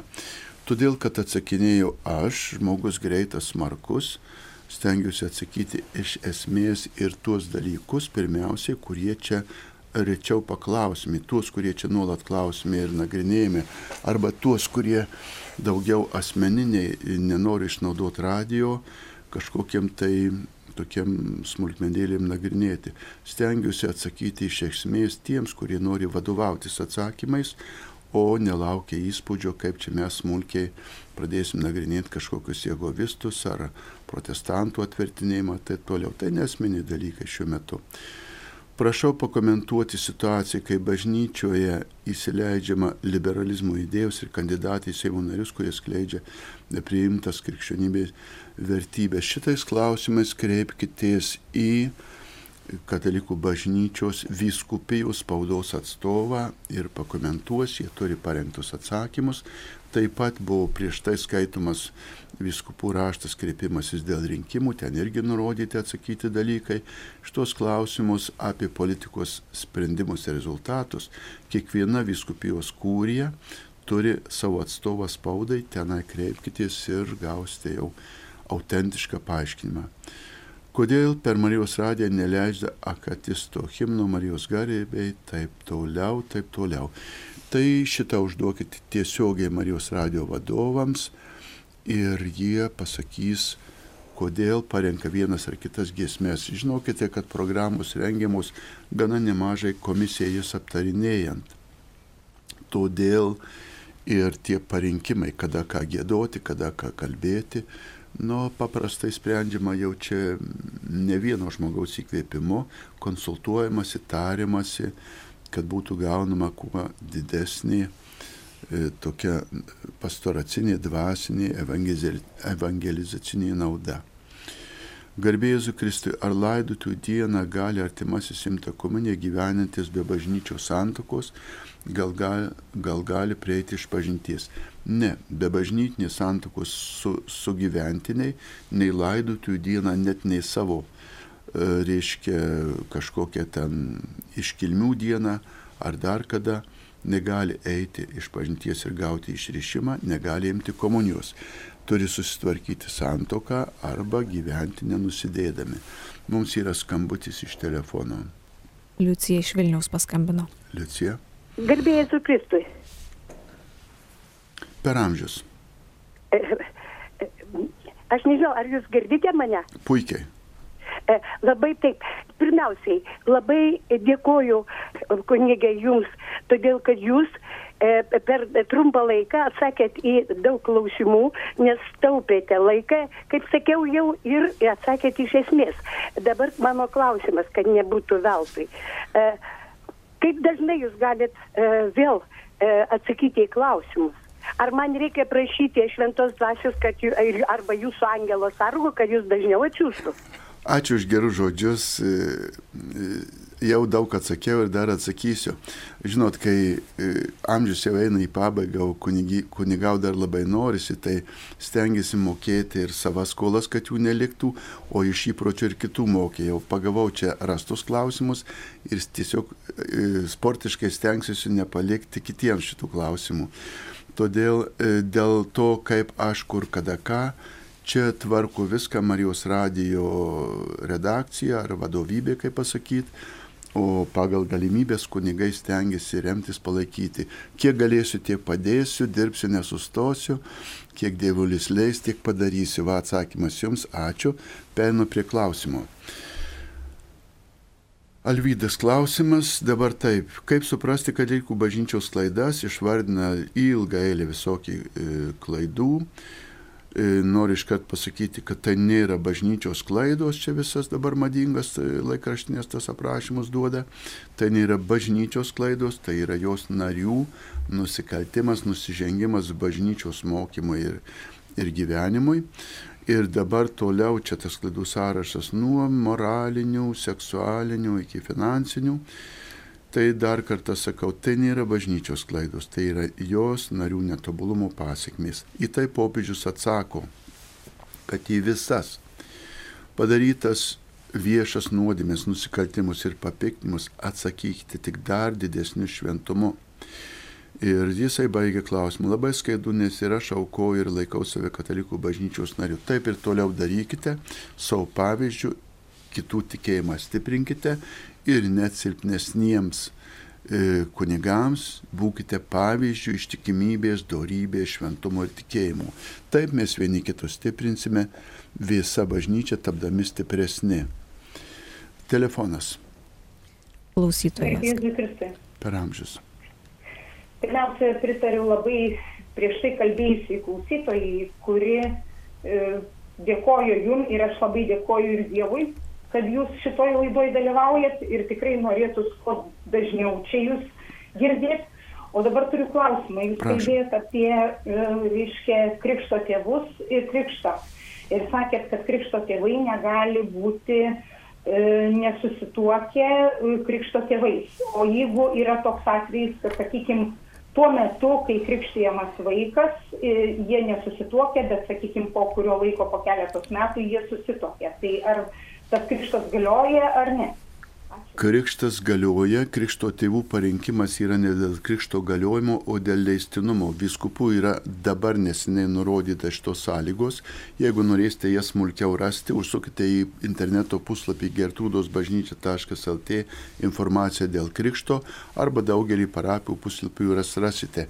Tiems specialiems atvejams dėl krikšto tėvų vyskupas yra nurodęs kreiptis į jį. Tokius atvejus prieš tariantis dėl krikšto pateikime vyskupijai ir vyskupas mato reikalą duoti leidimą ar neduoti. Galiu pasakyti, kad ir šįmet esu keletą leidimų gavęs, kai kuriems atvejams krikštyti iš vyskupo. Tiesiog vyskupas savo rezervavo šituos leidimus, neleidimus, nes jis tą tvarką paskyrė. Taip, kad kur įsprendžiama, ten ir įspręs. Kreipkitės į kunigą, kunigas į vyskupą ir jau konkrečiai spręsite. Klausimas kitas, ar skaistykloje esantys gali melštis už mus esančių žemėje? Tikrai taip, nes ir tie skaistykloje, ir mes skaistykloje einame tuo pačiu keliu link Dievo, jo siekime, jo ieškome ir vieni kitiems norime padėti. Ar gali kunigas mišiuose praleisti bendruomenės visuotinę maldą? Pavyzdžiui, šiokiadieniais, kai yra mažai žmonių. Dėl kunigo maldų ir laidų praleidimo yra nurodyta mišiolė, kunigas jomis privalo vadovautis. Atsakymas toks - negalima. Maldą kunigas turi sukalbėti, jeigu net nėra žmonių, turi sukalbėti pats, nebūtinai visą, bet kažkokia tai bendra intencija turi būti. Bažnyčioje šventos mišios mišių auka yra bendruomenės malda, ne kunigo asmeninis darželis. Todėl būtinai privalo būti bendruomeninės maldos, vienokios ar kitokios formos. Gali būti jinai kažkaip tai pakeista dabar leidžiama savai žodžiais, tačiau melsis už visus mišiuose kunigui tam tikro daly tikrai privaloma. Kitas klausimas. Kunigas Numgaudis šiandien kalbėjo, kad nuodėmės Jėzus Kristus jau atleido, O kaip skaistikla nekalbėjau. Painiojate žodžius. Aš pažįstu kunigą Numgaudį sakyti, kad nuodėmės Kristus atleido bendrai visiems ir visada jis negalėjo. Nuodėmė šiandien Kristus jau atleido tiems, kurie priejo iš pažinties ir gavo atleidimą klausykloje. Taip pat atleido tiems, kurie negalėdami prieiti prie klausyklos, tobulai sužadino gailestį ir pelnė Dievo atleidimą. Kristus nuodėmės atleidžia būtent už žmogaus gailestį. Tokio visuotinio atleidimo nėra. Todėl nepainiokime žodžio, kaip skaistykla, nekalbėjau. Kažką painiot su žodžiais, nekalbėjau, tai dar kalbės. Pasitikėkit kunigonom gaudžiu, kad jis dar apie tai kalbės. Turim telefoną. Klausytoja Nelė nori tiesiog pasidalinti. Garbėjai su Kristui. Per amžius. Noriu patikslinti, kad Marijos radio klausytojo pateikta konkreti nuomonė apie konkretų kunigą ir pagal tai jūsų pateiktas atsakymas nėra absoliuti tiesa. Teisingai. Nuomonės apsikeičiam, prie savo liekam arba pasidalinam bendrai. Visa, ką aš kalbu nuomonės ar asmeninių požiūrių vardu, tai yra mano asmeninė nuomonė, nei radijos, nei vyskupo, todėl aš tuos dalykus išskiriu. Dabar toliau dar turit ką? Viskas, ačiū Ačiū, sudė. Ačiū. Važinokite gerai, laida į pabaigą, dabar kol kas klausimų nėra. Todėl dar vieną perskaitysiu, atrodo, paskutinį šiuo metu. Asta iš anykščių, čia yra jos maldos intencija. Na, tegu Asta ją maldas tą skaito, kreipiasi, kai bus rožinio malda, jie prideda, nežinau, šito laidoj maldau intencijas perduoti, man sakė, nereikia. Todėl Asta, puiku, kad melžite šiom intencijom už visus čia vardus ir tegu Dievas jūsų maldų išklauso. Paskambino Zofija. Prašom, Zofija, Garbėsiu Kristui. per amžius. Norėtum paklausti, Prašom. visi eina į bažnyčią, melžiasi, aš turiu kalbu apie sveikus žmonės, nu, kurie neinvalidai. Kodėl vat, ne vienas sveikas žmogus nesusipranta, kad, kad ir tas neįgalus žmogus galbūt bent retkarčiais norėtų nueiti bažnyčią ar per didžiasias šventes ir kodėl taip elgesi ir ar tai yra nuodėmė. Sudėtingai jūs čia sudėsit, ponė. Pirmiausia, visi eina į bažnyčią, tai ne visa teisybė, neina šiandien visi į bažnyčią. Antras dalykas dėl bažnyčių. Aš jau atsimenu prieš 20 metų, kai dar remontavau bažnyčias, kur man paskirdavo, jau atėjo reikalavimas visose bažnyčiose, kad būtų prieiga neįgaliesiems. Todėl galiu iškart pasakyti, kad ir Šventos Gertrūdos, kur, kur dirbu, ir palaiminto, ir Arkangelo Mykolo Marijampolės prokatorė, kur dirbau, įrengtos prieigos neįgaliesiems ir bažnyčia atvira, o dabar kas eina, neina ir kaip eina, tai čia jau turbūt pačių žmonių klausimus. Bažnyčia atvira, pasiruošusi laukia visų. Ir neįgalių, ir įgalių, rinkitės, burkitės, melskitės ir šventėkite. Skambutis telefonu. Klausytoja Birutė. Klauskite. Garbėjai Kristai. Per amžius. Dėkuoju pirmiausia už laidas, kurios mums yra tiesiog labai labai reikalingos ir būtinos, nes vat ir šiandien pranešė, kad koronaviruso e, šita, šita epidemija plečiasi labai smarkiai ir greitai. Bet į bažnyčią eiti ir rytoj taip norėtųsi be, be galo, nes metų metais jau į bažnyčią, o dabar aš per televiziją tik pasižiūriu kiekvieną sekmadienį pusę pirmos, kai būna rodoma per televiziją šių laida. Ir kažkaip tuščia. Dabar aš e, iš pažinties šiaip taip nueinu. Pone, arčiau prie klausimų laikas baigėsi, norėčiau dabar Klausimas atsakinėti. mano toks, kaip jūs vertinate e, mūsų dalyvavimą mišiuose tik tai per televiziją? E, Aš atsisakau asmenių vertimų tokiais klausimais, kurie yra vieša bažnyčios tvarka. E, Viskupų pra, praeitą ar užpraeitą savaitę mus pasiekė viskupų raštas, kuriuo ir Kauno vis- arkivyskupas ordinaras nurodė ir Lietuvos vyskupai atsako labai paprastai ir tiesiai, be jokių vertinimų. Internetinės palydovinės televizinės mišios neatstoja ir netlieka bendruomenių mišių išpildymo pareigos. Tokiu atveju mes liekame be sekmanio mišių, tik jas pasižiūrėję. Mes jas pasiklausome, bet juose nedalyvaujame. Todėl vyskupo nurodymo kurie galite ir turite daugiau drąsos, pasirinkite esamas sąlygas ir dalyvaukite bažnyčiose. Nepasiduokite baimiai ir ne, nepūskite tos baimės į, į debesis daugiau negu reikia. Kol kas nėra specialių apribojimų draudimų, paskelbtos bendros normos, metras, du metrai, ten visi tie atstumai ir ypač kur yra didelės bažnyčios, pilnai galite eiti, nesusigrūdę, nesusikimšę. Mes turime mažą bažnytėlę, mišes visada aukojame adarom durim su garsia kalbės laukia. Na ir žmonės taip pasiretindami, manau, tikrai Lietuvos bažnyčiose pagal jų grindų plotą sutilps su, su visais metrais ir centimetrais. Tik tai nemanykime, kad dabar jau reikia viską pakeisti televizorium ir viskas bus gerai, jeigu žiūrėsim televizorių. Ne, taip nėra. Į tą klausimą atsakau ne aš savo nuomonę, bet viskupų raštas. Televizinės mišios nepakeičia ir ne, neužpildo dalyvavimo bendruomenės susirinkime šventose mišiuose. Klausytoja Virginija nori paklausti. Garbėjai Jėzui Kristui.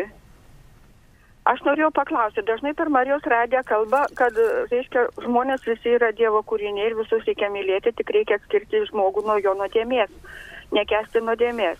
O dabar, va, klausau, šiandien jūs pasakėt, kad laidojos, žodžiu, kurie savižudžiai laido be iškilmingų mišių. O kodėl negalėtų palaidoti žmogų, gal gerų darbų labai daug padarė, tik tą vienintelę nuodėmę. Kodėl negalėtų palaidoti Gerai, pasakyti, kad laidojam žmogų kaip Dievo kūrinį, o jo nuodėmę atskiriame nuo jo. Ir palaidoti kaip visus E, Dabar aš kalbu palaidoti kaip visus, taip kaip visus ir palaidoja, bet jūs nesupratote žodžio iškilmė reikšmės. Va. Palaidoti kaip visus melsi už visus ir visus palaidoma, dabartinė nuostata palaidoma. Kodėl taip daroma, kodėl taip išskiriama? Neskiriama iškilmė ten, kur buvo vieša nuodėmė, viešas papiktinimas.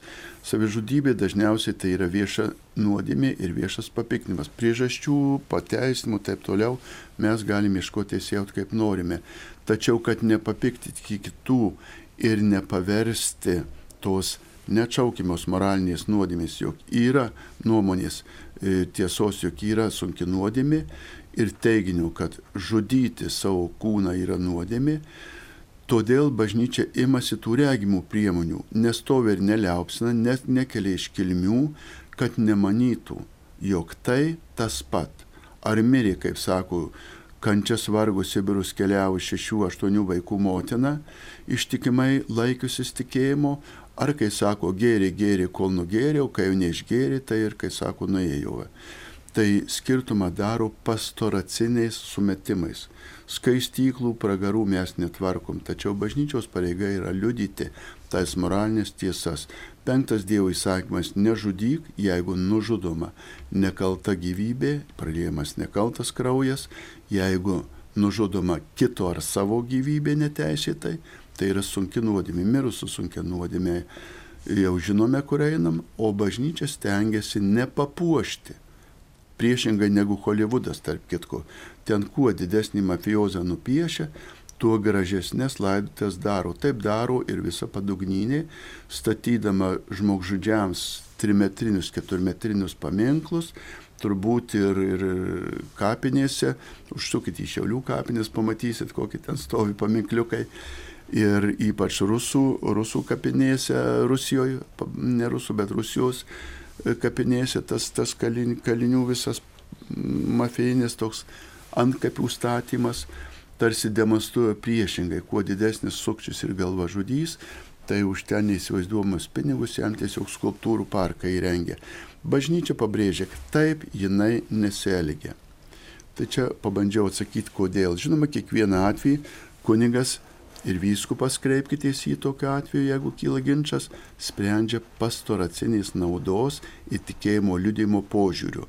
Ne kaip patiks ar įtiks, bet pabrėžiu, pastoraciniais naudos ir tikėjimo liudimo požiūriu. Čia dabar klausimas vėl. Ar sekmadienio mišių metu kunigas turi skaityti katekezę? Neturi, bet gali, o katekizuoti privalo. Kokią formą tai daro? Mišiuose sakydamas pamokslą, o prieš mišes trumpai paaiškindamas tą katechetinę įžangą. Klausytoja Teresė nori paklausti. E, Aš tokį paprastą klausimą. Yra garbus, garus amžiaus žmogelis, jūs e, nu, norėtų eiti pasivaikščioti po gryną orą, bet jūs nenori eiti, kad jam jūsų kepurė negali, e, negali kalbėti poterius, norėtų kalbėti poterius. Su kokia, kaip, kaip ar, ar yra galimybė ar ne? Pirmiausia, žmogeliui pasi, pasiūlykite pasirinkti tarp dviejų norų. Tarp noro poteriauti be kepurės ir noro pasivaikščioti. Ir tegu jis pats pasirenka, reiškia, dėl poteriauti su kepurė irgi galima, netgi su skrybėlė ir netgi su kareivišku šalmu poteriauti galima. Tai nieko neturi bendra su poteriais. Tik tai kepurę reikia nusimti bažnyčio, nepasivaikščiant, pabrėžiu, o vyrai nuo septynių ir daugiau metų katalikų bažnyčioje kepurė nusima. Tai ir tam žmogui vaikščiotojui paaiškikit, kad jeigu poteriaus ne bažnyčioje, kepurė gali užsidėti. Dabar telefoną rodė, bet jau nerodo. Taip, dėl balsavimų neatsakinėsiu, jau čia balsuokite, viskupų nurodymas buvo laikytis sąžinės tiesos ir rūpeščio bendrų gėrių tauta. Ir padėka, ačiū Dievui visiems, kurie dėkojate, Dievas jums padėkoja savo dovanomis, kurie laiminti mane, tegu jūs Dievas palaimina. Žinokite, mėlyje, laikas baigėsi, turiu bėgti, skuostę lėkti, neužilgo šventos mišios, o klausimų dar čia yra. Atrodo, neištiesysiu žodžių, paliksiu uodegėlę kitiems. Ar tinka našiui nešioti vestuvinį žiedą ant dešinės rankos be vardžio piršto, kaip ir esant gyvam stoktiniai? To žiedo niekas netima ir nenuima, ta žiedas reiškia tau duotą priesaiką. Jį gali nešioti ir tinka, bet gali nenešioti, nes priesaika jau negalioja, o žiedas jo ženklas ir liudimas tavęs jau nesaisto. Kaip norėsit, taip darysit. Dar vienas klausimukas. Užsakomos šventos mišios devindienio keturnedėlio. Devindienio nepainiokit, tai ne mišios, o yra vadimos novenos litanijos maldos. Devindienio katalikų bažnyčių nėra. Keturnedėlis keturios savaitės po, miši, po mirties. Tai yra specialios tit- titulinės iškilmingos mišios metinės laidotuvės keturnedėlis, kuriomis pelnomi e, visuotiniai atlaidai mirusiems. Galima reikia, jau sakyti, devindienio mišių neturim. Ko reikia norint atnuliuoti bažnytinę santuoką, kuri buvo jaunystės klaida. Buvo gyventa trumpai, antrojo santuoką jie gyvena jau 27 metus ir nori bažnytinės santuokos. Čia neatsakinėjusi situacija turi būti sprendžiama konkrečiai, kreiptis į savo parapijos kleboną arba jeigu keliama byla dėl santuokos pripažinimo negaliojančia, kreiptis į tos vyskupijos vyskupą, kurioje buvo priimtas šliūbas. Ir čia jau bendrom formulėm neatsakysiu. Kodėl dabar aukojamas tik sudėtinės mišios? Ar tikrai čia gera praktika ir intencijų paklodės skaityti? Intencijų paklodės tai jūsų pageidavimai. Galime mes sutrumpinti neretai sutrumpiname už visus jūsų intencijomis aukojame šias mišes. Tada atsiranda burzgimai ir rusgimai, nepasakė, unutė, katriutė, elziutė. Tai čia pristaikom prie jūsų, kad ta intencija būtų paskelbta bendruomeniai. Intencijų skaitimas tik jų paskelbimas, o mišių aukojimas intencija yra širdį. Už ką norite melsis, už tą jau aukojimus. Kodėl sudėtinis? Pastebėkite, kunigų miršta du, tris kart daugiau negu kunigų įstoja. Negu kunigų įstoja į darbą. Mažėjant kunigų stengiamės, kad nemažėtų, atsiprašau, nemažėtų patarnavimų. Ir dar griepsiu, žinokit, keturi klausimai. Ar privaloma duoti auką, kai ateini mišes? Jeigu nori, tai duodi. Jeigu negali, prašai, paukosime be, be aukos, aukok tada tai, kas ne pinigai, ne daiktai, aukok tai, kas yra tavo meilė, gyvenimas ir tarnystė. Jei negali pinigais, paukok gerais darbais, tarnaudamas artimui, šviesdamas tikėjimo keli kitiems. Jei sutuoktiniai naudoja natūralią kontracepciją, vengia pastojimų, nenusideda. Ne, nenusideda.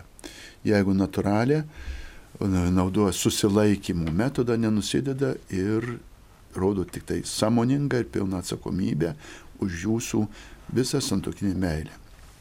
Dėkuoju už atsakymus Virginė, Virginė ačiū ir visiems, kurie dėkojate, Dievas te laimina. Koks vaikų skaičius turi būti, kad galima būtų katekizuoti? Priklausomai nuo parapijos aplinkybės, komandos, kateketų skaičiaus, kur kiek įmanoma.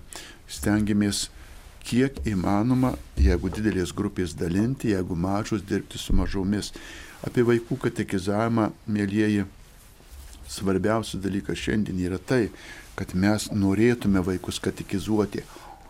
Nes šiandien vaikus katekizuoja kabutėse jau taip smarkiai ir į tas kryptis ir pusės, kad neduktų Dievė. Čia man prisiminė, kaip tik va su Kristina noriu sakyti, prisiminė kažkokio miesto, reiškia pasaka, kada kažkoks švilpikas išvedė iš miesto žiūrkės, grodamas dūdelę ir paskui tas žiūrkės išėjo ir vaikai to miesto. Todėl šitame, šitame e, reiškia dalyke, kad e, Kristina priminkite, kas čia buvo toksai. Tai buvo Hamelino miesto Vokietijoje e, žiūrkių gaudytojas, kuris fleita grodamas išvedė žiūrkės, bet kartu išsivedė ir vaikus, kurie niekada nebesugrįžo. Va ir šiandien žinau, kad nori, nenori, aš bijau baisiausią baimę, kad žiūrkių gaudytojas jau duduoja ir vaikus jau mums ištrūbins, nes žiūrėdami šitą kelią, galime sakyti, kur mus veda šitą tautą. Ten, kur veda mūsų vaikus, o kur veda mūsų vaikus. Ten, kur yra jų noselis, akelis, kalbelis. Ir čia jau aš pravedu žvilgsnį link jų knygelių, link jų pasakėlių. Kristina, kokią jūs vaikam radot knygą čia paskutiniu metu? Na, dėl knygų dabar iš vis labai sudėtinga, nes knygų leidyba yra aišku puikus biznis, bet dažnai produktas, kuris pasiekia vaikus, yra labai menkavertis ir neugdo tikrų darybių. Ir aišku, dar didžiulė problema tai, ką mūsų vaikai mato per televizorių, mato iškreiptą tikrovę. Na, nebeliko tik, arba liko labai mažai gėrio ir blogio kovos. Viskas yra vaikams brukama neteisingų pavydalų. Pavyzdžiui, prisiminkime mamos, kurios klausomės garsųjų filmuką Katašunį, ar ne? Argi tai nėra iškreiptas vaizdas? Ka, ar mūsų vaikų akis gali atrinkti tiesą gėrį, ar tiesiog turi stebėti pasaulio vaizdą, kuris netitinka nei tikrovės, nei Dievo kūrinijos plano? Apie tai turim labai pamastyti prieš vesdami vaikus į bažnyčią. Pirmiausia, galbūt parodyti reikėtų jums, jiems tikrą pasaulį ir stengtis apsaugoti nuo blogio. Va šitą norėjau aš ir akcentuoti, mėlyjei, katekezį, vaikų katekezį, tautos katekezį kaip niekad svarbu. Ne šitas švilpikas, kuris veda atseit gerą daro, išvesiu jums žiūrkis iš miesto. Šiandien daug tokių švilpikų atsiranda, išvesiu tą, išvesiu tą ir bus jums geriau. Bet galų gale, kai sako, jis išveda darydamas gerą, išvesdamas žiūrkis, išveda ir vaikus to miesto. Čia tokia pasaka.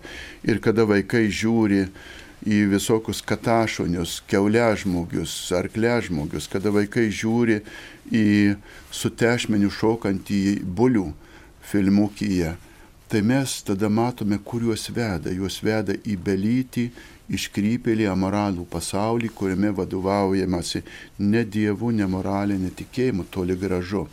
Todėl šiandien norėčiau tiesiog kaip tautos užduotį sakyti. Nesvarbu, kas mums švilpia ir kur žada į kur išvesti mūsų žiūrkės, mūsų graužikus ar kirminus, žiūrėkime, į kur veda mūsų vaikus. Ir mažiau mažiausiai visą darykime, remkime kunigus bažnyčią, kad jie neišeitų paskui tą žiūrkių švilpiką, kad tie vaikai sugrįžtų į bažnyčias, ne į ekranus, ne į kažkokias virtualybės, bet sugrįžtų į bažnyčią, bažnyčią šeimoje, bažnyčią parapijoje. Va. Todėl aš tiesiog jau užtiesiau laidą, dabar turbūt orius krisiu laikyti mišes, jau teks atsiprašyti 11 val. mišios, žmonės jau tikriausiai renkasi. Dėkuoju visiems už kantrybę, už tai, kad paklausėte žodžių, pasidalinti mintimis, su Dievu, melskitės, brangiai, už kunigus. Mūsų kova didelė jėgos, mūsų mažos, Dievo dvasia galinga O vienybėje, kai sako, galybė ir pergalė vienikimės Kristumi, šventoji dvasia mums keliate šviečia su šia tauta, su šia bendruomenė, parapija, eikime kartu Kristaus vedini. Amen. Laidoje dalyvavo ir į klausimus atsakinėjo Marijonų vienuolis kunigas Kestutis Brilius, taip pat laidoje dalyvavo Kauno Šventojios Gertrūdos bažnyčios referentė Kristina